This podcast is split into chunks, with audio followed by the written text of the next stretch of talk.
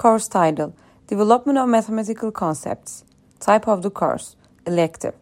The aim of this course is to examine the fundamental concepts of elementary mathematics and solving problem and proving theorems related to those concepts.